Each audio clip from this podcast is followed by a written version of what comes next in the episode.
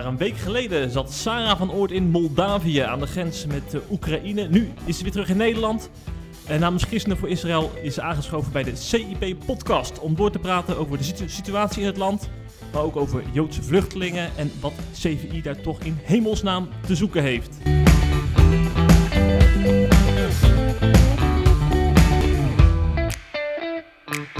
Sarah, welkom in de podcast. Dankjewel, Jeffrey. Ik noem jou toch maar gewoon een vriendin van de show. Want uh, CIP uh, en CVI hebben al uh, heel lang een soort samenwerking lopen. Hè? Klopt, wij zijn samen nog in Israël geweest, hè Jeff? Ja, zeker. hebben we verhalen gemaakt. Ja. En met een collega van jou, Arjan Wendt, ben ja. ik in Oekraïne geweest. En daar ben je ook regelmatig geweest, hè? Ja, heel regelmatig. Ja, ik denk ja, wel ja. tien of twaalf keer of zo. Ja, daar gaan we het zeker uh, over hebben in deze podcast. Want uh, de hele wereld uh, kijkt natuurlijk naar Oekraïne momenteel. maar allereerst, ik denk dat heel veel mensen zoiets hebben van christenen voor Israël en Oekraïne. Wat heeft dat met elkaar te maken? kun jij dat eens even uitleggen? Ja, het heeft een heleboel met elkaar te maken. wij zijn als Christenen voor Israël al meer dan 25 jaar betrokken bij werken in Oekraïne. En dat begon eigenlijk een beetje net na de val van de Sovjet-Unie in Oekraïne. Ook in de hele Sovjet-Unie, maar met name in Oekraïne had je een hele grote Joodse gemeenschap. En Hmm. dat kwam in de tijd, in de geschiedenis, moesten de Joden altijd aan de rand van het Russische Rijk gaan wonen. Ja. Daar werden ze heen verdreven eigenlijk. Uit mijn hoofd 200.000 Joden in uh, Oekraïne. Op dit moment, Ja, maar nu. toen waren het Toen er miljoenen. Oh, toen waren ja. het er miljoenen. Ja, ja. Dus uh, van de tsarina, Catharina de Grote, moesten ze allemaal aan de rand van het Rijk. Nou, die rand, dat was Oekraïne. En daarom had je in Oekraïne een enorm grote Joodse gemeenschap. Sommige steden, wel 60, 70 procent van de inwoners waren Joods. Toen kwam de Tweede Wereldoorlog. Toen zijn in Oekraïne alleen al anderhalf miljoen Joden vermoord uh, door de Hmm. nazi's. Um, na de oorlog waren er nog ja, uh, 2 miljoen Joden, schat ik even uh, over. Na de val van de Sovjet-Unie gingen de grenzen ineens open en mensen konden weer weg. Dus heel veel Joden hebben toen besloten om uh, naar Israël te emigreren, naar hun thuisland. Daar konden ze eerder niet heen in de jaren 80. Tot de jaren 80, vanaf de jaren 90 kon dat wel. En Waarom kon het toen opeens wel dan? Ja, omdat het ijzeren gordijn oh, dat, was. Ja, mensen, mensen konden er weer uit. Dus dat is eigenlijk een beetje de periode Hmm. dat Christen voor Israël is begonnen met Ja. daar de Joodse gemeenschap te ondersteunen. Want A, je hebt er heel veel armoede. B, je hebt er ehm, ja, heel veel mensen die heel graag naar Israël willen emigreren. En daar helpen we ook bij. En zo is dat werk een beetje begonnen, ontwikkeld. En ja, na 25 jaar zitten we eigenlijk in heel Oekraïne met onze hulpverlening, voedselpakketten uitdelen, holocaust-overlevenden bezoeken en mensen helpen die naar Israël willen emigreren. Mhm. Ik sprak nog pas uh, iemand die niet zo bekend is met dit werk hierover. Die zei van, is het nou echt nodig dat de Joodse mensen daar voedselpakketten krijgen? Hebben ze dan echt zo slecht daar? Heel slecht. Ja, blijkbaar. Ja, ja, nou ja, je moet je voorstellen, mensen, met name ouderen dan, laten we het even op Mhm. ouderen focussen. Die hebben een pensioentje van 50, 60 euro per maand Zo. omgerekend. Uh, nou ja, voor 10 euro, of eh, laten we zeggen 15 euro, een beetje wat ruimer, kan je ongeveer net je eten kopen. Wat je Mhm. dus dan niet kan kopen is je brandhout om je huis op te stoken of uh, te stoken, warm te maken. Je kan geen medicatie kopen, je kan geen kleding kopen. Uh, het, is, het is ontzettend basic. Dus wij zeggen van als Christenen voor Israël willen wij helpen bij dat eten. Want dan kunnen zij hun pensioen besteden aan, aan uh, medicijnen en andere dingen die ze nodig hebben. Hm. Dus ja, het is, het is echt heel hard nodig. Ja, ja, ja, oké. Okay. Um, dan zag ik op jullie uh, Facebookpagina van de week het Mhm. bericht dat jullie al meer dan 2000 Joden hebben geëvacueerd. Daar gaan denk om de, om de... Sinds de oorlog. Sinds de hè? oorlog ja. inderdaad dan, hè? Ja, want er zijn natuurlijk in de jaren daarvoor nog veel meer geëvacueerd. Ja. En er staat dan bij uh, dat, uh, dat, is, dat, jullie dit zien als een vervulling van de profetie uit Jeremia 31. Mm -hmm. uh, voor mensen die niet mee bekend zijn, hè? Wat, wat is nou eigenlijk jullie idee bij, bij die Bijbelse profetieën en jullie rol daarin? Ja, dat is een van de belangrijkste motivaties waarom wij het werk doen wat we doen in Oekraïne. Hmm. Omdat we zien dat in de Bijbel zo vaak beschreven staat dat de Heere God zijn volk terugbrengt naar het land. Staat ook bij dat uh, de niet-Joden, de, de, de, heidenen, om het zo te zeggen, daarbij zullen helpen. Dus er zijn een aantal mensen geweest die daar echt een roeping in hebben ervaren. Onder andere onze coördinator Koen Karlier in Oekraïne. Die woont al jaren daar, hè? Die woont er al uh, tig jaar, Ja. inderdaad. Uh, die heeft echt een roeping ervaren van ja, ik, ik heb het gevoel dat ik daar mijn steentje aan moet bijdragen. Dus hij is zelf begonnen. Een andere collega van mij die is toen ook in de jaren negentig naar Oekraïne gegaan. Heel simpel. Gewoon bussen rijden, mensen ophalen, documenten in orde, orde brengen en naar het vliegveld brengen. Toen begon twee, tweeënhalve week geleden die oorlog in Oekraïne. Uh, en toen waren ineens alle vliegtuigen gesloten. Het hele luchtruim in Oekraïne was afgesloten, in Moldavië ook trouwens. Uh, dus toen werd het allemaal best wel wat ingewikkelder. Dus nu, ja, wat we nu vandaag doen, is niet zomaar Joden die denken van... nou, ik, wil, ik vind het wel leuk om naar Israël te gaan... Uh, om die te helpen, maar gewoon levens redden van mensen die echt in levensgevaar zijn. En die mensen zo snel mogelijk evacueren uit Oekraïne. Mm, ja, ja. Maar ik vroeg me ook nog af, er zijn natuurlijk wereldwijd uh, zijn er allerlei Joodse gemeenschappen te, te vinden. Mm -hmm. Uh, hoe, hoe, maak je dan als CVI nou die afweging hè? van deze mensen proberen wel te helpen met evacueren en, en dat soort dergelijke taken? Mm -hmm. Hoe, hoe, hoe, maak je daarin dan keuzes? Nou ja, we helpen ook niet alleen in Oekraïne. We hebben ook een heel project wat we samen met het Joodse Agentschap doen. Dat is een Israëlische ja. organisatie. Uh, in Ethiopië, in Jemen in de tijd, had je ook een Joodse gemeenschap. Daar hebben we ook financieel een steentje aan bijgedragen. En ja, we helpen gewoon eigenlijk de Joden die Aliyah willen maken, zo heet dat. Ja. Dat emigreren naar Israël. Uh, die het zelf niet kunnen betalen. Ja. Daar komt het eigenlijk een beetje op neer. En als je bedenkt dat jij met 50 euro per maand moet rondkomen. En je moet dan een paspoort kopen van 50, 60 euro. En alle documenten en je vervoer en alles. Die mensen kunnen dat helemaal niet betalen. En daarom helpen we daarbij. Ja, en die Bijbelse profetieën. Uh, oh ja, daar moesten we nog over ja, hebben. Ja, was ik wel even benieuwd naar. Want dan staat natuurlijk, die komen met name in het Oude Testament kom je die heel vaak, uh, vaak tegen. Ja. Uh, hoe, hoe, hoe, weet je, hoe weet je nou eigenlijk dat, uh, dat het nou echt een taak voor christenen is? Hè? Want ik, ik, het, soms komt het een beetje over als christenen of Israël, dat zijn echt van die hobbyisten. Uh -huh. Maar ik denk dan, uh, dit, als dit nou echt een taak voor, voor christenen zou zijn, dan moeten we toch met z'n allen erbij betrokken zijn. Mm, ja, en er is een klein groepje die, die, die, dat, die zich geroepen voelt om, nou, om Joden. Zo klein zijn we nou ook weer niet, Jeff. Maar in ieder geval, ik, ja, voor, voor ons is het in ieder geval heel duidelijk wat er staat. Er staan... Ja talloze profetieën. Ik heb ze niet geteld, maar volgens mij meer dan 100. In het Oude Testament waar staat, uh, um, om een voorbeeldje mm -hmm. te noemen, je hebt volgens mij in Zacharia, daar staat, uh, vlucht, vlucht uit het Noorderland en red u naar. Ja. Ja. Dat is een tekst uh, die, en iets verderop staat ook dat de Heere God zal helpen om de, de ballingen in te zamelen, zoals dat staat volgens mij in de Statenvertaling. Maar je ziet heel vaak zeg maar, dat er wordt verwezen naar het Noorderland. En als je vanuit Israël nou naar het noorden kijkt, dan kijk je dus naar Rusland en Oekraïne.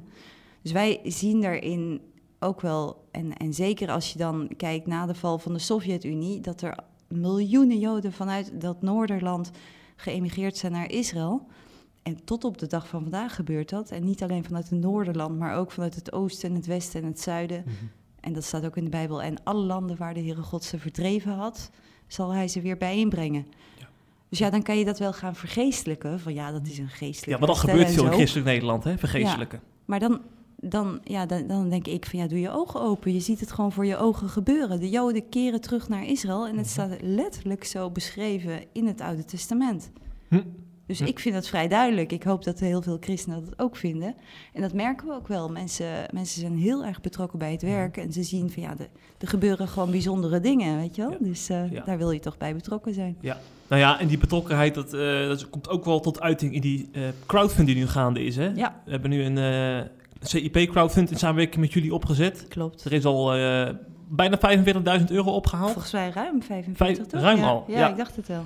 Ja, dus het toont ook wel aan dat mensen blijkbaar toch ook jullie Heel roeping echt herkennen. Ja, ja, ja, en dat is mooi om te zien inderdaad. En kijk, er is nood hè. We krijgen ook wel eens die vraag van ja, waarom helpen jullie Joden, waarom helpen jullie niet uh, de, de gewone Oekraïners? Uh, mijn antwoord daarop is van dat zijn ook gewone Oekraïners zonder geld. Maar wij voelen als Christen voor Israël ook omdat we die gemeenschappen al zo lang steunen, voelen we echt een verantwoordelijkheid. We hebben zorg voor die Joodse gemeenschappen op ons genomen, 25 jaar geleden, en dat heeft zich ontwikkeld. Dus nu, als het erop aankomt, willen we die gemeenschappen niet in de steek laten. Ja. Ons team in Oekraïne van Christen voor Israël, we hebben daar 15, 20 mensen zitten. Die blijven allemaal in Oekraïne met gevaar voor eigen leven. Hm.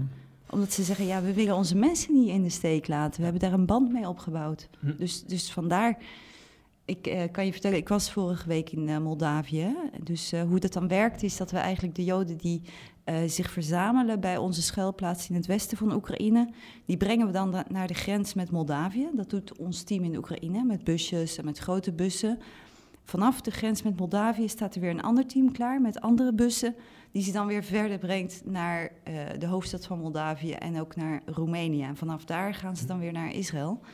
Ehm, maar ja, het, het, het is een soort van geoliede machine. Hm. Maar tegelijkertijd is het ook gewoon een keiharde oorlog. Weet je wel, er vallen gewoon bommen op de plek. Ja. vlak één kilometer van waar onze schuilplaats is. Het is, het is niet iets voor eh, watjes, zeg maar.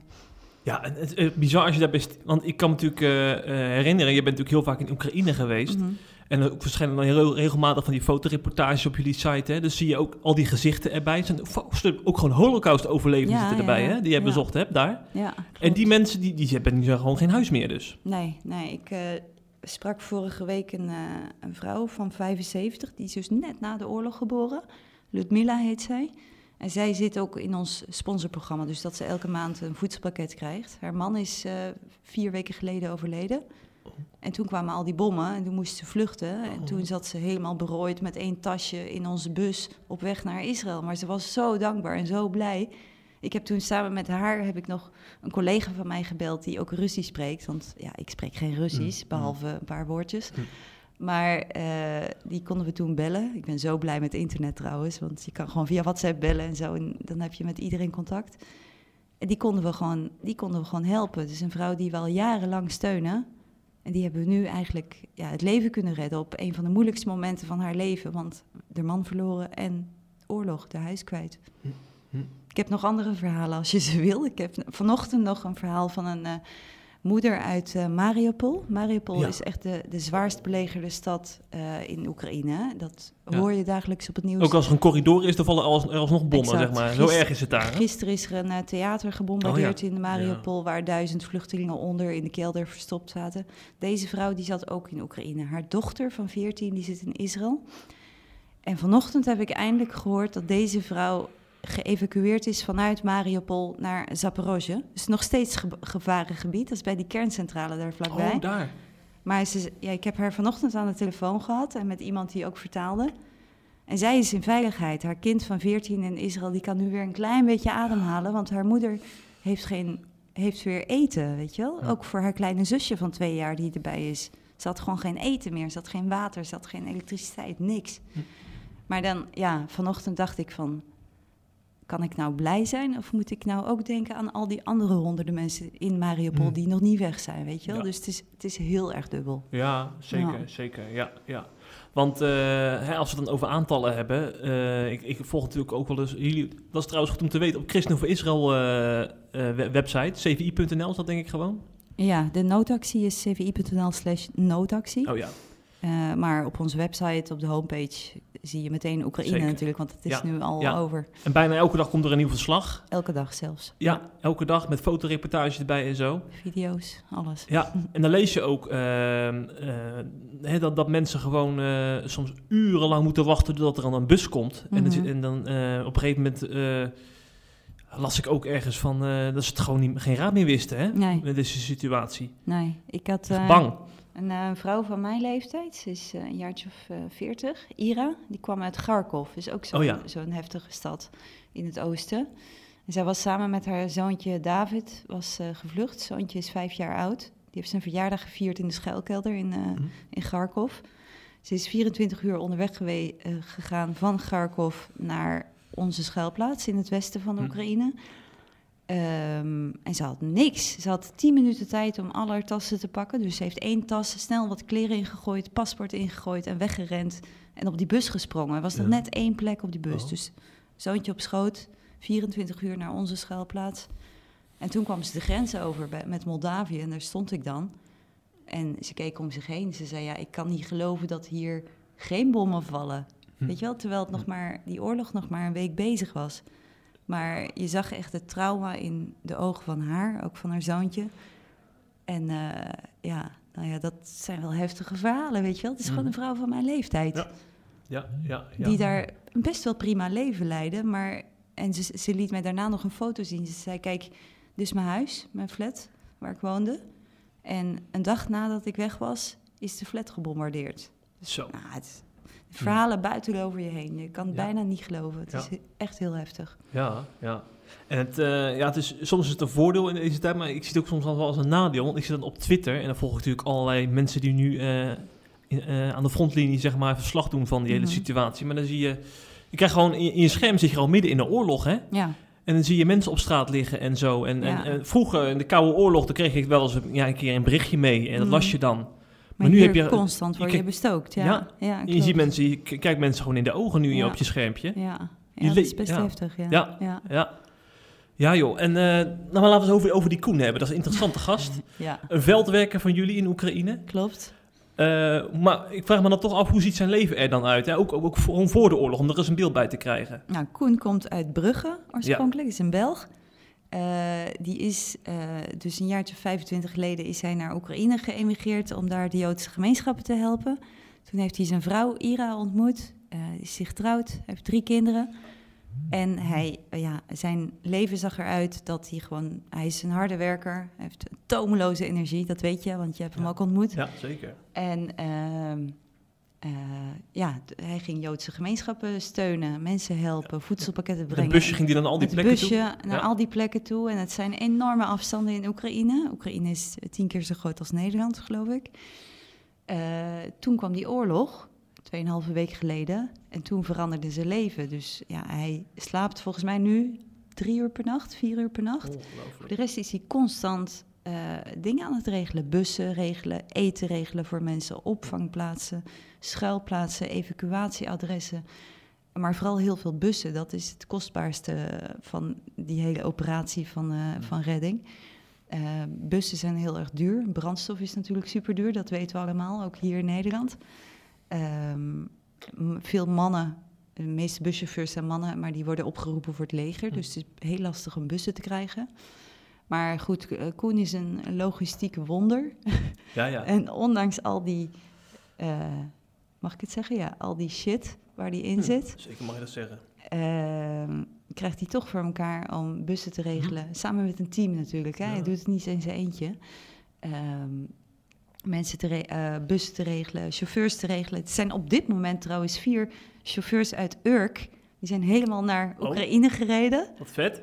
Om Koen en zijn team daar te helpen. Bijzonder joh. Lachen, hè? Hm. Ja, hm. ja. Ik, uh, ik kan me nog herinneren, hè, daar gingen we ook gewoon vaak inderdaad uh, met die voedselpakketten dan uh, naar, naar, die mensen toe. Mhm. Mm -hmm. Maar Koen is natuurlijk ook iemand die, die ook even een woordje wil doen, hè? Ja. Dus dan, dan citeert hij ook soms uit de Bijbel. -hmm. um, en dat doet hij nu ook. Dat doet hij nu ook. Ja, ja. ja. en je merkt ook dat mensen daar wel door getroost worden. Dat ze, kijk, de situatie is totaal uitzichtloos. Ik, moet jij je voorstellen dat je met, je met je vrouw en kind moet rennen voor je leven. Dat je in tien minuten je tas moet pakken en geen idee hebt wat je allemaal te wachten staat. En dan kom je daar en dan is daar een team wat jou verwelkomt en wat jou een slaapplek geeft en wat jouw busvervoer regelt en wat jou bemoedigt en naar je luistert en je een knuffel geeft. Dat betekent de wereld voor ze, weet je wel. Dus het is niet alleen dat hele logistieke, nee. maar het is ook gewoon dat je er voor ze bent. Dat Mhm. is misschien nog wel minstens zo belangrijk. Ja, ja, ja. Want ik vraag me dan af, eh, heel veel mensen kunnen enorm veel hoop putten uit, uh, uit allerlei bijbelteksten en Mhm. zo. Maar als je dan moet vluchten uit zo'n land en, uh, en, de, en, de, Russen komen je kant op, mm -hmm. hoe, hoe, kun je als je Koen bent die mensen überhaupt bemoedigen, vraag ik me dan af. Ik, ja, door, ik denk zelf door er voor, te, voor ze te zijn. Dat heb ik ook Nee. gemerkt in die week dat ik Moldavië was.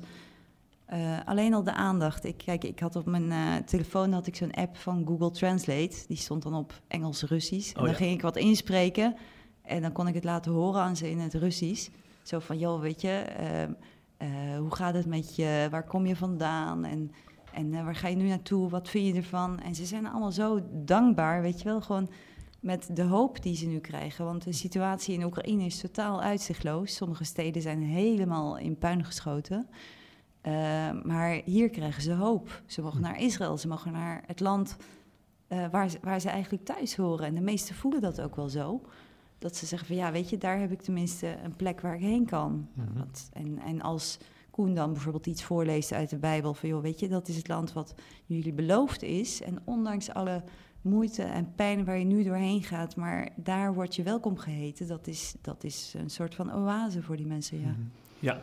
Heb je ook wel eens even, je hebt je ook regelmatig ben je met Koen meegegaan eh, om, eh, Klopt. eh, en ook, en je- dan zag je misschien waarschijnlijk ook wel eens een oproep doen om naar Israël te gaan, regelmatig. Ja, Dat je dat, dat ook zo, soms ongemakkelijk weet, want mensen hebben natuurlijk wel, tenminste voor de oorlog hadden mensen daar echt nog gewoon hun leven. ja. Ik zal je vertellen, toen ik in, vorige week in Moldavië was, toen was op een gegeven moment de rabbijn van Mariupol, die was, die was bij mij in Moldavië. Die was op het moment dat de oorlog uitbrak, was hij niet in Oekraïne. Oké. Misschien maar beter ook, want eh, dan was hij ook helemaal, had hij niks kunnen betekenen voor zijn gemeenschap. Ehm, en hij- het eerste wat hij tegen me zei toen hij me zag, hij zei van Sarah, had ik maar beter naar jullie geluisterd, had ik mijn gemeenschap maar meer benadrukt dat ze hier weg moeten, dat het niet veilig is, Oh, dat ze ja. naar Israël moeten. Ik heb spijt, het zei hij letterlijk als haren op mijn hoofd dat ik het niet heb gedaan. Dus ik zei tegen hem van joh, het, is, het blijft een besluit van ieder persoon aan zich of ze die stap maken of niet. Hm. Ehm, de- je, kunt mensen niet dwingen om weg te gaan. Je kunt alleen maar benadrukken van, joh, weet je, wij geloven dat Israël de plek is waar jullie veilig zijn. En achteraf kun je nu zeggen van, nou, told you so, weet je wel. eh, je hebt gelijk, eh, zie je wel dat we gelijk hebben, maar dat doet er helemaal niet toe. Wat, wat wij gewoon doen is in alle liefde en openheid met mensen delen van, joh, wij geven jullie de mogelijkheid. En ook al wil je nu niet gaan, bereid je voor. Zorg dat je een paspoort hebt. Zorg dat je er klaar voor bent. En kies zelf het moment dat jullie gaan. En dat hebben we gezegd tot voor de oorlog. Nu kunnen mensen niet meer kiezen op welk moment ze Hm. willen gaan. Want ze moeten, Ja. ze kunnen niet anders. En ja, dan doen we gewoon alles om mensen te helpen. We gaan, we gaan niet zeggen van ja, nou te laat, je mag Nee. niet meer mee. Nee, nee, nee. Maar als we het dan even hebben nog over de situatie voor de oorlog. Mhm. Eh, wat, was, wat, wat waren vaak de beweegredenen van mensen om toch in Oekraïne te blijven? Want niet iedereen ging natuurlijk... eh, Familie woont er, je bent gehecht aan een Ja. land. Eh, je kinderen zitten er op school. ja, gewoon praktische redenen. Ja, een beetje het onbekende. Ook, ook met name ouderen die zeggen van ja, maar ik wil het graf van mijn ouders niet verlaten, want die liggen hier Mhm. begraven in Oekraïne. Ehm, tal van redenen, ja. Ja, hele begrijpelijke redenen ja, ook ja, eigenlijk. tuurlijk. Ja, net ja. zoals jij en ik zouden hebben van als iemand tegen jou zou zeggen van joh, jij moet eh, vanaf morgen moet jij naar, eh, weet ik veel, naar Amerika verhuizen. Dan denk ik, ja, maar ik heb hier een familie en mijn vrienden, waarom zou ik, weet je wel? Hm. Dus dat speelt toch wel mee. Ja, ja, ja. Ik kan me nog herinneren, was natuurlijk een tijd eh, van die Ma- Maidan-opstand. Dat is Eh, 2014, hè? 2014, ja. ja. Toen begon ook die oorlog in Oost-Oekraïne ook, hè? Ja. Eh, had- hadden mensen al toen al zoiets van, eh, er is echt iets gaande waardoor, waardoor ik echt nu eh, beter naar Koen moet gaan luisteren, bij wijze van spreken. Merkte je toen al zoiets? Ja, toen is er best een golf, Ja. ehm, een emigratiegolf geweest. Oké. Dus voor die Maidan-revolutie had je ongeveer, ik denk, ehm, moet ik het even goed zeggen hoor, misschien duizend Joden per maand die besloten om Aliyah te maken. Hm. En na die oorlog was dat een tijdje 17.000 per maand, echt heel erg veel. En toen, ging dat, toen werd dat weer wat minder. Maar nu hadden we de afgelopen twee weken eh, alleen al eh 2000 mensen geëvacueerd. Terwijl er heel veel mensen gewoon niet weg kunnen, omdat ze helemaal klem zitten door, door de Russen die omsingeld hebben. Hm, Dus, hm. dus die Alia, ja, dat gaat altijd een beetje met golfbewegingen, die terugkeer. Eh, en nu merk je dat er wel een hele grote golf eh, op ons afkomt. Hmm, Ja, ja. Heb je ook wel eens contact met mensen die al eh, eerder Aliyah hebben gemaakt en nu in Israël zitten eh, en hoe ze dat ervaren? Ja, nee, we steunen ook verschillende projecten in Israël die, die nieuwe immigranten helpen met integreren, met de taal leren en zo. Want als Oekraïne lijkt me dat best ingewikkeld om, want Israël is toch best een westers land eigenlijk. Ja, hè, wist je dat- opzicht. Ja, wist je dat de tweede taal in, ehm, in eh, Israël Russisch is? Oh Omdat ja. er zoveel Russische Ja. Joden en Oekraïnse Joden die kant op zijn gekomen. waar, dus in ja. die zin eh, voelt het voor hun ook denk ik wel echt een beetje als thuiskomen qua taal. Hm. Ehm, maar de reacties die we van mensen horen is dat, kijk, de eerste twee jaar is, is gewoon pittig om te integreren in een nieuw land, andere cultuur. Ook best een spannend land natuurlijk, want Israël is ook niet altijd even rustig.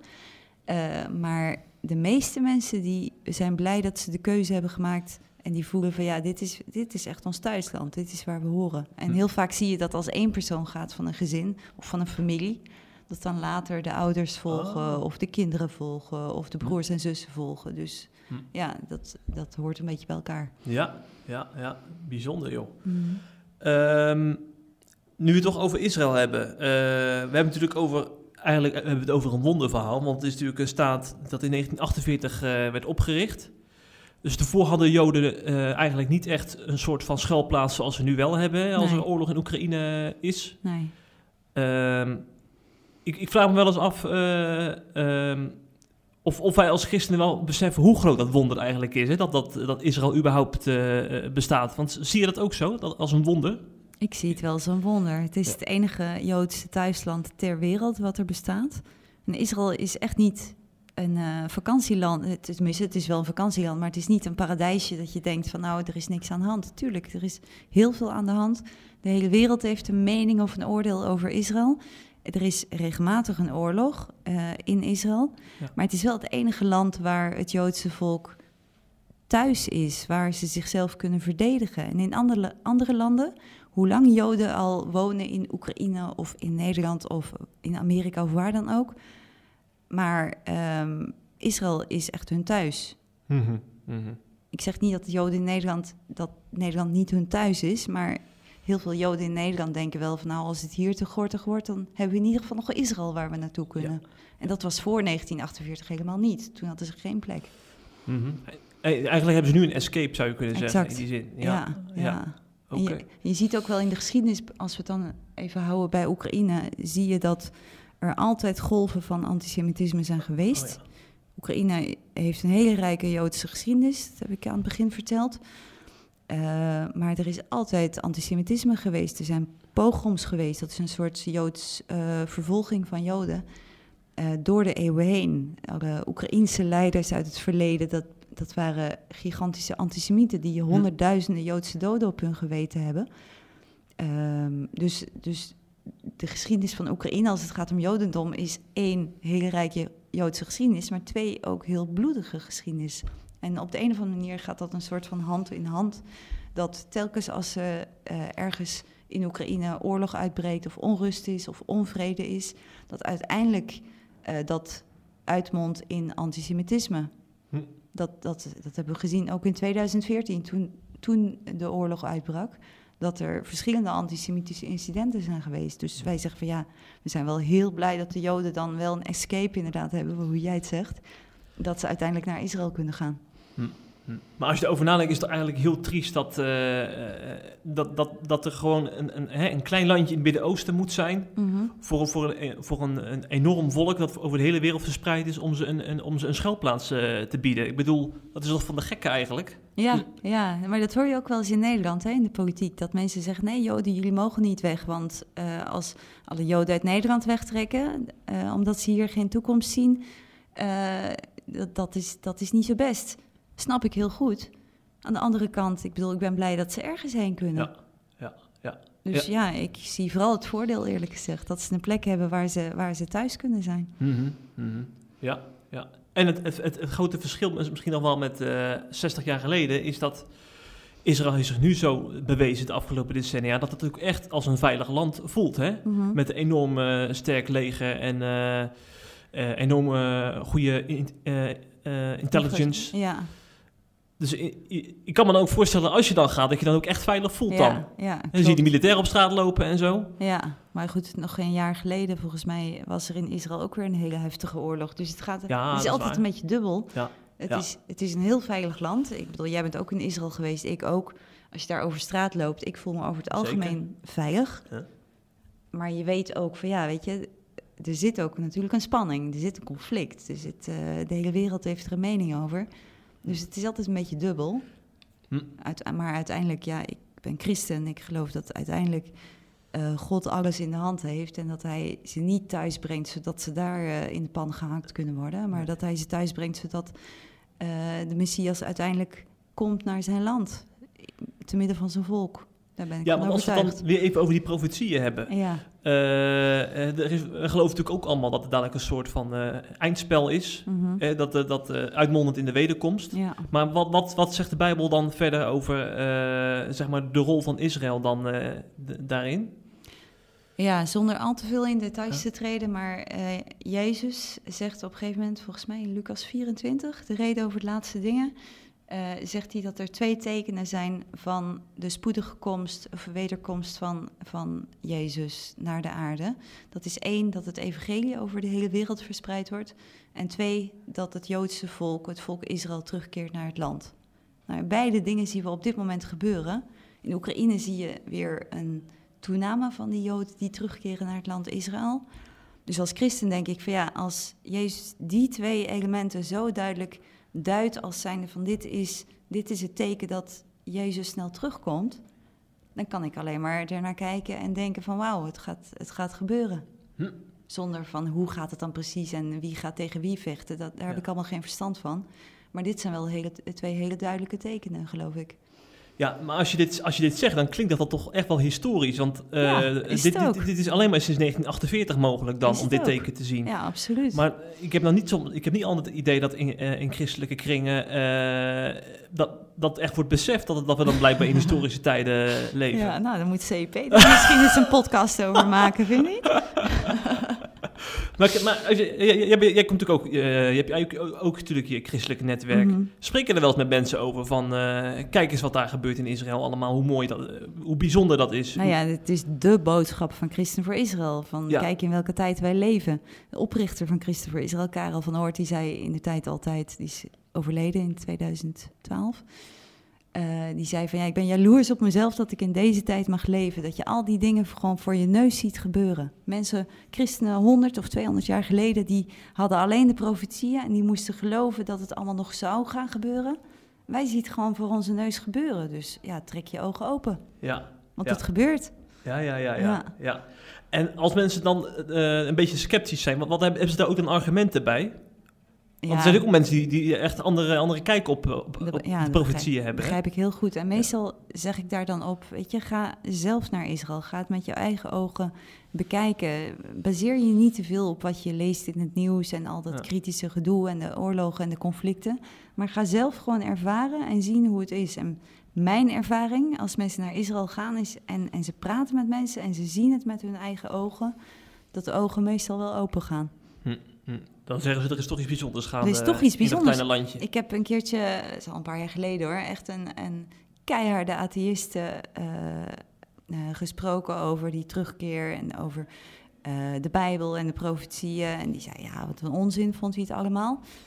Dus toen zei ik van ja, maar als atheïst, hoe kan jij nou de holocaust verklaren? Hoe kan jij nou verklaren dat er een volk is wat, wat kapot gemaakt moest worden, maar het toch heeft overleefd en nu een land heeft waar ze naar terugkomen, wat helemaal opbloeit? Met een taal die 2000 jaar dood is geweest, Hebreeuws, en nu weer gewoon als landstaal wordt gebruikt. Hm. Nou, daar had hij geen antwoord op. Ik Ja. kan ook geen ander antwoord verzinnen als dit is gewoon een wonder. Alleen je moet het wel willen zien. Ja, ja, ja, ja. ja. En ik denk dat veel mensen die eh, bijvoorbeeld vanuit Oekraïne nou, naar Israël zijn gegaan, die daar inmiddels ook wel achter zijn hoe bijzonder dat is. Ja, eerst even die trauma's verwerken van Nou, die oorlog, ja, want dat dat, is, eh, best zo. heftig. Ja, ja. Maar het staat ook in Ezekiel 37, God brengt zijn volk terug naar het land. Je hebt dan die profetie van die dorre doodsbenen. Oh ja, die weer tot leven gaan komen. die tot leven komen. Mhm. Dan komt er een, een, een, een huid overheen, dus het wordt weer één volk. En uiteindelijk, zeg maar, komt de geest erin. Dus uiteindelijk beseffen ze waarom ze weer bij elkaar zijn gebracht en teruggekeerd zijn. Hm. Dus ik geloof ook dat het in die volgorde gebeurt. Eerst de Ja. terugkeer, dan wordt het een eenheid en dan uiteindelijk geeft God zijn geest. Hm, hm, uiteindelijk eh, is het... eh, het is, je zou het als een soort Netflix-serie kunnen omschrijven, die pro- profetieën. Nou Hè? ja, ja, Met, ja. een, met een mooi slot, zeg maar. Het, ja, maar je ziet, ja, het is gewoon toch bijzonder. Ja. Trek je ogen open en je ziet het gewoon gebeuren. Hm. Dat vind ik wel leuk. Hm, hm, hm. Daar word ik wel blij van in ieder geval. Ja, ja, ja. En volgens mij, eh, om, om even met die profetieën af te sluiten, eh, is het toch ook een belofte dat, eh, eh, dat uiteindelijk ook het Joodse volk in Israël de, de Messias zal erkennen? Of is Ja. het dan weer een te grote uitspraak? Nee, ik, ik geloof dat dat gebeurt. En dat Ja. staat even uit mijn hoofd in Romeinen 11. Ja, ik ben Ja, geen theoloog, dus ik weet al die teksten. 11 komt Ik ken die voor. teksten wel, maar ik weet dan niet precies waar ze staan. Maar volgens mij staat het daar ook. Volgens mij ook. Dat uiteindelijk gans Israël, MB, Mhm. MBG, eh, gans Israël de Messias zal aanvaarden Ja. als de koning. Ja. Dat hij zich aan zijn volk zal openbaren. Net zoals dat Jozef dat deed aan zijn broers toen in Egypte als onderkoning. Toen ze hem eerst niet herkenden, Mhm. stuurde hij iedereen Als een Egyptische medewerker stuurde die allemaal de zaal uit. Zijn broers alleen en hij bleven achter. En toen zei hij, ik ben het. Hm, hm. Dus ik geloof dat het ook op die manier zal gaan. Ja. Daar hebben wij helemaal niks mee te bemoeien. Dus wij hoeven daar... Jezus gaat dat zelf doen met Hm. zijn broers, de, de- ja, het volk Israël. Wat dat betreft hebben Joden en christenen wel een aparte band. Hè. We, zijn, we zijn een soort van broedervolk. Mhm.